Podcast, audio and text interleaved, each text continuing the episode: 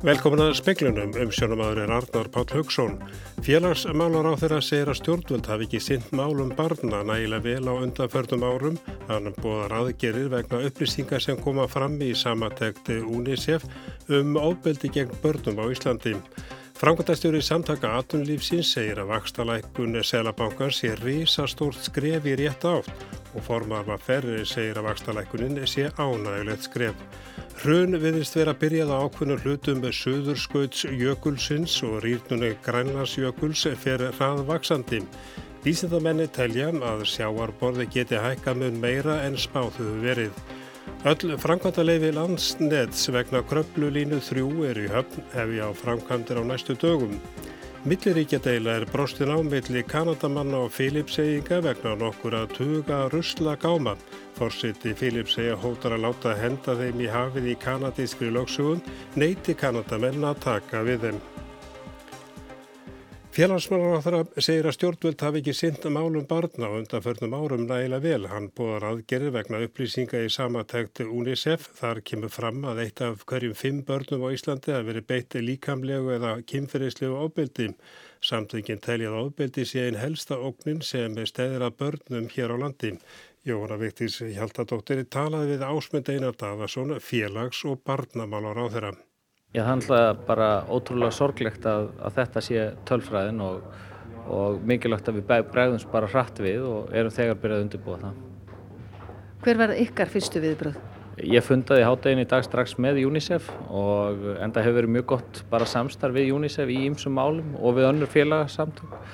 Uh, í framhald af því uh, erum við að undirbúa ákveðnar aðgerðir sem að ég vonast til þess að, að geta lagt fram uh, hluta því í ríkistjórn á förstudaginn. Hann segir það áeikefni að þarna komið ímislegt fram sem stjórnvöld vakt ekki nægilega vel. Hann segist vona að á næstu vikum verður stíið skref til að sapna og vakta upplýsingar um börn og þætti eins og óbeldu og vanrækslu. Erstu þá að segja það að stjórnvöld og aðrir hafi rauninni sofið á verðin? Já, ég held að það sem að ástæða þess að ríkistjórnin tók það ákverðun að, að búa til, leggja meira áherslu á börn og með því að stopna barnamálaráðaniti að það leggja áherslu á það innan félags- og barnamálaráðanisins er meðal annars það að við höfum ekki verið að leggja nægilega mikla áherslu á málefni barna á undanförnum árum. Við tölum á góðverðistögum eins og þessum um mikilvægi þess en hins vegar höfum við í stjórnmálunum ekki lagt nógu mikla áherslu á það og það er, það er meðal annars að skila sér núna í aðgerðu. Þetta var ásmundur Einar Daðarsson, Jóhanna Víti Sjáltadóttir talaði við hann. Bæði atverðreikundur og verkefliðseyvíkin er fagna vakstalækun Selabankans um hálft prósendustig. Formar Mafferi segir hana ánægilegt skref og frangotastjóri SA segir hana risastórt skref í rétta átt. Ég er þeirra skoðunar að þetta sé risastórt skref í rétta átt og ég vil í raun rosa bæði verkefliðsreifingunni fyrir að hafa lagt á vaðið og tekið þessa ákvörðun með samtökum aðtunulífsins að byggja lífskjærasamlingana upp á þennan máta og á sama tíma met ég það sem svo að peningastefnu nefnd sé að lesa hár rétt í aðstæður og það sé réttur tímapunktur núna til þess að hefja vakstalækuna ferlið. Segir Haldur Benjamin Þorbergsson, Ragnar Þór Ingólfsson formar Vafferi, segir að þeir sem séu með lán á breytulegu vöxtum muni finna fyrir vakstalækunni og leiguverði gæti lækað. Ég held og ég vona að fólk skilji núna uh, einmitt uh, hver uh, ákvaða vegferð við vorum í með gerð þessara kjærasamninga að, að ráðast á grunn vandan að vera ekki alltaf að þrýsta upp kaupkrónu til að standa um til þegar gríðalögum kostnaði sem þarf til að lifa hér af heldur líka ráðast á hinflutan að það er að ráðast á þennan gríðalega kostnaði við að lifa ekki bara fyrir einstaklinga og, og fjölskyldur heldur líka fyrir fyrirtækin Þetta skiptir bara gríðarlega miklu máli að við, við reynum að byggja hér upp samfélag sem er samanburðar hægt við það sem gerist í löndunum sem við berum okkur gerna sama við sem eru þá Norðurlöndin. Þetta var Ragnar Þór Ingólfsson, nánar er talað við hann og Haldur Benjamin síðar í speiklunum. Birgir Álmarsson, þingflóksformaður sjálfstæðisflóks, sagði alþingi dag að efnisleiri umræðum um þriðja orkubakkan hafi lokið áður en málþó uh, þingmanna miðflóksins hófst. Hann saði í ljósi þess að þingmenn miðflóksins þurfa að ræða þriðju orkubakkan mikið sé sjálfsagt að lengja þingfundu og fjölga þeim. Stuðnismenn málsins hafi tekið virkan þátt í umræðinni á öllum fyrri stegum umræðunar. það er ekki hægt að kvarta yfir því að eh, það hafi verið einhver þáttöku skortur af hálfu þingmanna e, þeirra flokka sem myndar ríkistjórnina eða styðja málið að öru leiti.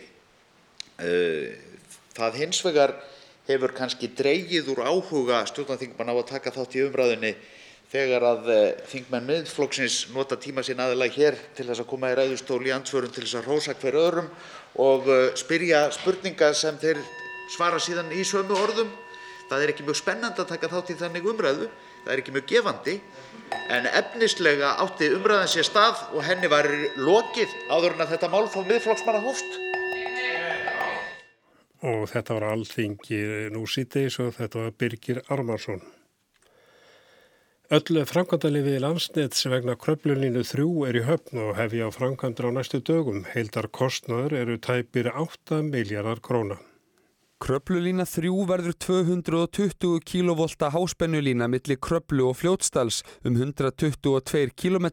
Undibúningur hefur staðið lengi um hverfis mati lög 2017 og hafa náðst samningar við landeigundur. Línan likur um þrjú sveitafjölög sem þurftu að breyta skipulagi og gefa út framkvæmda leifi. Það hefur tekið tíma og tókst ekki að byrja í fyrra líkt og stjórnendur landsnets höfðu vonað. Bæjarstjórn Fljótsdals hérads var fyrst til að veita framkvæmda leifi um miðjan mars. Sveitarstjórn Fljótsdals Reps fyldi í kjölfarið í byrjun mæ og nú síðast gaf skútustadarreppur grænt ljós að því að fram kemur í nýjum pistli Þorsteins Gunnarssonar sveitarstjóra. Steinun Þorsteinsdóttir upplýsingafulltrúi landsnets segir að þetta sé stóra áfangi. Við erum núna að klára samninga við verktakana í sambandi við reysingu og jarfinu og nú er það ekkert til fyrirstöðu að hefði framkvæmdir og við reknum með að framkvæmdir geti hafist í byrjun júni og að línan verði spennusett fyrir lók næsta árs. Í nýri kerfisáallun landsnets kemur fram að áallaður heildar kostnaður við lagningu línunar séu tæpir 8 miljardar króna. Þetta er stór framgang. Þetta er hérna eina af þrejum línum á Norrlandi sem við erum búin að vera að vinna í undirbúningi og þetta, er, þetta er, skiptir okkur miklu máli og það er fagnæðarefna að geta byrjað á hann. Þetta var steinun Þorsteinstóttir, Jón Þór Kristjánsson tók saman. Yngvar Sigursson var í dag valin besti leikarin á Critics Week hátíðin í Fraklandi. Merlunin hlaut Yngvar fyrir hlutverk sitt í myndinni Kvítur Kvítur dagur. Þetta er í þriðja sinn sem íslensk kvikmynd er með á Critics Week hátíðinni sem er hlýðardagskrá kvikmyndaháttíðarinnar í Cannes. Línu Pálmarsson leikstýrir og skrifar handritið að kvikmyndinni sem verður frumsýnd hér á landi 7. september. Stjórnvöldi í Filipsegum hafa kallað sendera sinn í Kanada heim vegna sorps sem Kanadamenn sendu til Filipsega fyrir nokkurum árum undir því yfirskinni að það er endurunni þar. Þeir vilja losna við sorpið en Kanadamenn sína engi merki þess að ætla að taka við því. Sorpið er í nokkrum tugum vörflutningagáma sem Kanadamenn sendu til Filipsegja á árunum 2013 og 2014. Síðan hafa þeir staðið á gámasvæði. Rodrigo Duterte fórseti hefur fyrirskipað að gámarnir verði sendir aftur til Kanada. Hann gaf frest til 15. mæ til að losna við sorpið. Þegar kanadisk stjórnvöld höfðu frestinn að engu kallaði fórsetin sendi herra sinn í Ottawa heim. Já, framt gaf hann út skipunum að fundið yrði skipafélag sem væri tilbúið að flytja gámana til Kanada og varpa þeim í hafið innan 12 mílna lögsögu landsins. Haftir eftir Salvador Penelo, talsmanni Dutertes fórseta að málinu verði framfylst með hraði. Starfsmenni sendiráði Kanada en Manila vilja ekkert tjásugum málið en vísa á stjórnvöldi í Ottawa. Þar er engar upplýsingar heldur að fá að sogna FP fréttastofunar. Einungis likur fyrir að Kanadamenn ætlaði að taka við sorpinu en ekkert likur fyrir hvenar það gerist. Grund hefur verið á því góða í samskiptum Filipsæja og Kanada á diplomatiska sviðinu frá því skömmu eftir að Justin Trudeau varð forsættisir á þeirra. Þá líst hann í evasemdum um aðferðir Dutertes fórseta við að berjast gegn eiturlífi neytendum og smiglurum en að því að láta myrða þá. Eftir því sem næst verður komist hefur Filipsæska lögreglan orðið á 17.000 manns að bana í herrferðinni frá árinu 2016. Áskir Tómasson saði frá. Bæði atvinnureikendur og verkefliðsefingin fagna vakstalækun Sælabankans um hálft prósentustig, spáðir 0,4% samdrætti á þessu ári en að 2,5% hagvöstur verði á næsta ári. Hagvösturinn var 4,6% í fyrra. Samdráttur er hafinn í efnagaskerfinu en búist er við að hann vari í stuttan tíma. Eftir mjög góð ár hefur þjóðabúskapurinn orðið fyrir áföllum á síðustu mánuðum. Samdráttur er því hafinn og slagir að myndast sem meðal annars byrtist í fækkun starfa og meira atvinnuleysi. Peningastefnun nefnd Sælabanku Íslands ákvað því í gær að lækka vexti bankans um 0,5%. Nýgerði kjærasamningar á almennu vinnumarkaði auðvelduðu bankanum að stíða þetta skref. Þótt samningarnir fel í sér myndarlega launahækkanir var niðurstöða þeirra í betra samræmi við verðbókumarkmiðið en margir bjökkust við. Verðbókumvæntingar lækkuðu því framhaldinu og svigrum til vakstalækkuna myndaðist. Segir Már Guðmundsson sælabankastjóri, vakstalækkuna var eina af kröfum verkalegisreifingarinnar sem náði fram að ganga og hveðir á um í svo kallu lífsgerðarsamningi. Bæði verkalegisreifingin og fórustumenn samtaka atvinnulífsins fagna ákverðun peningastefnu nefndar sælabankans En er ástæða að fagna þegar að framöndan er samdráttur? Haldur Benjamin Þorbergsson, framkvæmtastjóri SA, segir að í nokkur tíma hafi verið ljóst að það stemdi í samdrátt. SA hafi varað við því eitt og halvt ár. Sama tíma þá er þetta svona tvíbend en ég hef kynns við að út frá því hvernig lagt var upp með lífskjara samningana að það var í samsett laust sem miðaði því að bæta lífskjör ekki bara gegnum launulegin heldur gegnum stærsta kostnæðalið heimila og fyrirtækja það er að segja nániður vakstastígi þá tel ég að í ljósi stöðuna sé þetta mjög mikilvægt skref og ég fagna því. En gæti þetta ekki verið skamgóður vermir að Selabankin hefur verið frekar í já, þeirri stöðu að hækka vext? Ég held að þetta markið svolítið því hvort maður telja að glasi sé hálf fullt eða hálf tómt. Núna er rými í peningastefnunni til þess að breyðast við breyttum aðstæðum í hagkjörnum sem ekki hefur verið áður og ég gerir fastlega ráð fyrir því og reikna með að þetta sé fyrsta skrefið í vaksta lekkunarferli sem sé hafið núna og þess mun sjá stað bæði í heimilisbókaldi landsmanna og einnig á sama tíma þá eigur þetta í raun viðnám sketu fyrirtækjana til þess að standa undir þeirri kostnæðar aukningu sem hlýsta af nýgerðum lífskjara samningum. Er ekki fullt mikið bjarsinni að eh, núna er samdráttur hafinn E, það verður samdráttur 0,4% samdráttur e, spáð á þessu ári en að verði hafvöxtu strax á næsta ári er það ekki fullmikil bjassin og kalla það ekki aftur á hækunska vaksta? Við höfum svo sem varar við þessum forsendum um hagvöxt. Við teljum að það geti verið að hæja jafnvel skarpar á í ára en gert er aðferir. Næsta ári er óvissu bundið og lengra tristi ég mér ekki til þess að horfa. En það sem er gott í þessu núna er að við höfum náð böndum á vinnumarkaðin, búið er að marka algjörlega skýra launastefnu á vinnumarkaði og við þurfum ekki að vera að berjast við þá, þá elda á sama tíma það hægir í hagkerfunu. Þess vegna segi ég, framtíðin er í okkar höndum og við höfum betri stjórnáðinu núna en ofta áður, sögum þess hversu vel tókst til við gerð lífskjærasamlinga. En getur verið að þú sért eh, full fljótur að fagna sigri í ljósi þess að þá ættir að semja við ofinbæra starfsmenn? Það er alveg rétt sem þú segir að samlingar eru lausir eða losna við stóra hópa ofinbæra starfsmanna. En við megum ekki gleyma því að svo launastefna sem mörguð er í lífskjærasamningnum hefur verið borin undir atkvæði verkalýsreifingarna og samþygt þar með um 80% atkvæða. Hún hefur verið borin undir samtök atunlífsins aðeldafyrirtækin þar sem samþygtu þessa launastefnu með 98% greitur atkvæða.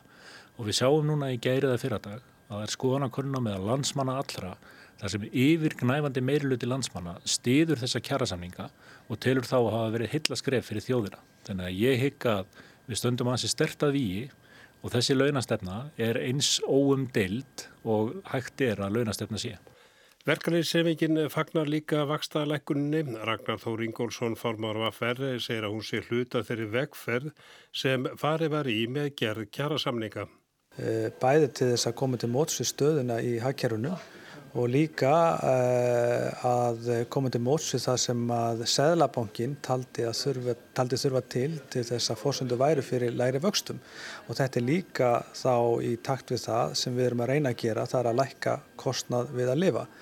Og þetta er bara mjög ánægilegt skref og ég fagna þessu mjög að e, þetta hafi þá verið e, þetta mikið vakstarlækkun vegna þess að í síðustu kjærasamningum þá hækkuðu stýrivextir í þrýgang um 25 punta í hver skipti.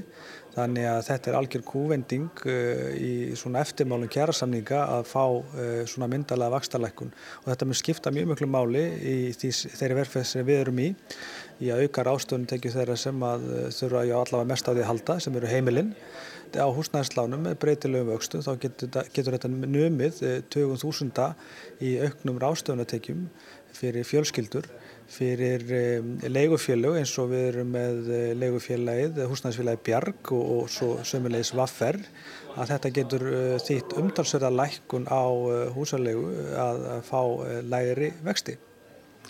Efnarslífi hér er sveiblu kent, er því að spá núna samdráttunum verði 0,4% og strax á næsta ári verði 2,5% hagvestur. Hefur þú trú á þessu að þetta gangi eftir og að þetta sé ykkur vegferð sem er að hefjast að það verði áframhaldandi lækkun vaksta selabankars? Eh, þetta er í takt við það sem að eh, við höfum verið að sjá eh, gerast í hagkerfunu og vaksta lækuninn og svirum til vaksta lækunar er einmitt partur og hluti af því.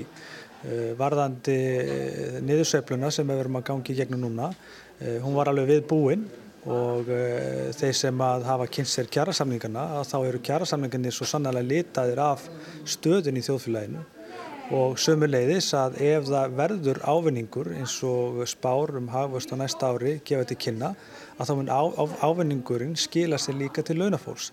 Þannig að ég myndi segja að samningarnir séu sniðnir emitt utanum uh, sveiflunar sem að mögulegar eru og hugsanlega framöndan eru og þessi vegferð í að ná niður vakstastígi er bara einn mikilvægasta eh, vegferð sem við getum farið í í ástandi sem þessu. Við skulum ekki gleyma því að fyrirtækinn þau skulda miklu miklu meira heldur en heimilinn og þessi vaksta lækkun mun uh, koma rauninni beint uh, sem innspýnding til fyrirtækjana í formi þess að þurfa síður að velta uh, segja, auknum kostnaði vegna kjærasamninga út í verðlag. Þetta var Ragnar Þór Ingólfsson.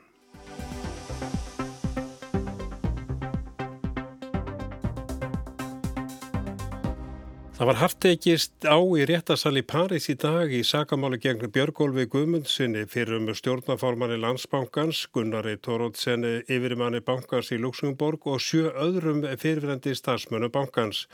Málið kom fyrst fyrir dóm fyrir tveimur árum, þá voru allir hinn ákjæðu síknaðir, málið núna er áfrýnamál. Sigrun Davidsdóttir hefur fylst með í París. Sigrun, þessi lán uh, voru ekki veit uh, Íslendingum, heldur útlendingum, út á fastegnir á Spánu og í Fraklandi og þá spyrir ég að hvers konar lán voru þetta eða eru þetta? Þetta er mjög uh, sérhæft tegund lána, hefur verið til í marga áratíu og þetta er löng sorgarflaga, þetta fer oft ítlað, þetta er kallað ekkutir í líslána og ennsku, drengum alltaf eldra fólki sem var kannski verðmættar hússegnir en ekki mikið reyðu fér. Og dæmi um svona lán er að hús er metið á miljón eurur og lántæki fær kannski 25% í vasan, svona 250.000 eurur og afgangurinn er svo fjárfæstur í bankanum og á að greiða þetta lánið. En þetta ljómar skringilega lán sem eru endugreitt án þess að lántækinni taki upp byttuna?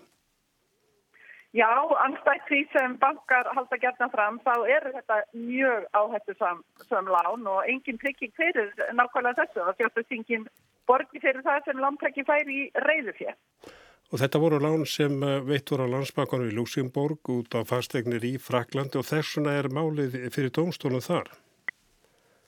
Já, lántækar reyndu að fá málið tekið upp í Luxemburg, það gekk engar reyndutektir Þetta hefði aldrei verið rannsakað nema því landtakarnir gáðst ekki upp og tók það mörg ára að fá franskan saksóknara til að taka út máli. Nú landsbankamennir eru ákjærðir, þeir eru sölun á þessum lánum, þeir, þeir hafi lofað á miklu og svo að kjærstestingarnar sem alltaf bera lánin hafi ekki verið með öllu öðlilegar. Eva Sjóli er stödd þarna, hún veitti íslenskum stjórnvöldum ráðgifar sínum tíma og eh, ja, hvert er hennar hlutverk í þessu máli? Eva Sjóli er hluta lögmannateimi lántakana, þó málið sér sakamál, þá er hér líka á ferðinni yngakrafa lántakana innan refsimálsins. Lögmann lántaka eru því einnig viðstættir og uh, reyndar ímsið lántakar sem eru hérna fylgjast með. Nú eitt vittni í dag var fyrir Bendistóttir sem uh, satt á sínum tími rannsóknum nefnd alþingis um bankarunnið og Eva Sjóli spurðan og út um niðurstöður skýslunar og, og verjendur uh, spurðu sig í einnig spurninga. Og það var sögulegt atvik í réttasalmi í dag eða hart tekist á? Já, fransk réttarhald geta reyndar verið heilmikið sjónarspil og uh, menn eru mjög vel lágmannaðir hér. Í morgun hóst svo dagurinn á því að verjandur tókust á við dómaran um tungumálum þýðingar á efni sem að Eva Sjóli og hennar hefði, hennar teimi hefði lagt fram verjandur tóltu ótækt að alltaf mikið efni á síðan stundu. Nú skomur síðar uh, þegar að koma því að dómarinn Ann-Marie Belló kallaði Björgól fyrir þá báðu lögmenn hans um tíminn með því. Dómarinn hafnaði en þá gengur lögmenninni bara út og Björgólfur fylgdi þeim uh, eftir. Og Belló dómari var auðvitað mjög ræð, þetta var í vannvirðing við hennar ennbætti, hún gerði svo hlið og eftir hlið saðum og hún hefði lagt fram kvörtun til yfirvalda um þetta mál. En uh, ég heyrði svo Efi Sjóli og flerum og eftir að enginn hérna myndi eftir annar eins uppakomu þannig að þetta er allavega orðin kapli eða neðamálskrein í franskri réttarsögur sem útspilaðist hérna í dag. En Björgólur var að lokum yfirherður? Já, hann las yfirlýsingu um hlutverklitt í bankanum og sína, sína á bankarhunni meðal annars svaraði verið ekki spurningum eða taldi sig ekki hafa neitt frekar um sinn hlut að segja. Hann verðtekur fyrir að hafa nokkuð vita um þessi lán og uh, það hafi leigið langt og þessi lán hafi leigið langt fyrir utan hans uh, verkarring og sjónbeldarring sem stjórnaformans. Hópur þekktara jöklafræðinga telur að sjáarborð gæti hekka mun meir en áður hefur verið talið vegna bránunar grænlarsjökuls og söðurskautsjökulsins. Þeir byrtu niðurstöður útreikningar sinna í grein sem sagt var að frá í fyrardag á vef Breska ríkisútvarsins. Tómas Jóhannesson, fagstur á sviði jökla í jöklafræða hjá Veðurstofu Íslands, segir að vísindanemndi saminuð þjóðanam sé farin að gera ráð fyrir mun meiri breytingum en áður var miða við. Grein vísindamannana var byrt í vísindaritinu PNAS, Proceedings of the National Academy of Sciences of the United States of America. Greinar höfundar eru allir þekktir jöklafræðingar sem hafa fengist við rannsóknir á Grænlandi og Suðuskostlandinu í ára tugi. Þeir setja ekki fram nýgögn heldur draga saman upplýsingar frá mörgum vísindamönnum og rekna út skástamöguleika og það vesta sem getur gerst. Tómas segir að vísindanemnd saminuðu þjóðanum lofslagsbreytingar hafi sett fram í setni tíð frekar hófsamar spárum sjávarborðshækkun en ýmsir hafi talið að talsverða líkur sé á því að breytingarnar verði miklu meiri. Þannig að hollendingar til dæmis ákváðu fyrir mörgum árum að miða við að sem svona vestu, vesta möguleika að sjá bara gæti hækkað um hátt í metra á þessari yfirstandandi öld og þar er miðað við einn metra sem svona hönnunarforsendu fyrir langtíma uppbyggingu á flóðvarnagörðunum í Hollandi þó að, að vísendur samniðu þjóðana e, gerir að fyrir mun minni breytingu. Greinarhöfundar velta fyrir sér hversu mikið sjáaborð hækki hugsanlega en ganga ekki bara út frá meðaltalshækkun eða líklegasta gildi. Mögulega hækkar yfirborð sjávar miklu meira ef breytingar verða á söðurskautsjöklinum og grænlandsjökli og gæti hafa hækkað um 2 metra undir lok aldarinnar ef málinn þróast á vestaveg. Þeir rekna út 5-95% líkur á breytingum. 95% líkur eru á því að sjávarborshækkun verði 2 metrar að meðaltali við jörðina og 5% líkur eru á því að hún verði heldur meiri. Og, og það er þá pólitísk spurning hvað eigum að taka þennan 5% möguleika alvarlega. Sjávarborshækkunin er með því alvarlegasta sem meðal alvarlegasta afleðinga af loftasbreytingunum og, og hún getur leitt til e, vandraða á, á mjög stórum strandsvæðum þar sem miljónir manna búa og það er nefnt í þessari grein að ef allt fer á versta veg og, og, og þessi 5% möguleiki verður ömveruleika þá gætu 200 sinur fleiri farið á, á flotta af þessum svæðum heldur en e, flottamannaströmminu frá Sýrlandi. Ekki hafi fundist beinar vísbendingar um það að það allra versta verði að veruleika en það hefur verið svo, svo þróun síðustu 5-10 árin að það viðist verið að byrja hrun á ákveðnum hlutum Suðursköldsjökulsins og, og rýrnum grænlandsjökuls er, er, er fer hraðvaksandi þannig að, að vísindarend samniðu þjóðan er núna farin að gera ráð fyrir breytingum sem eru mun meira en áður var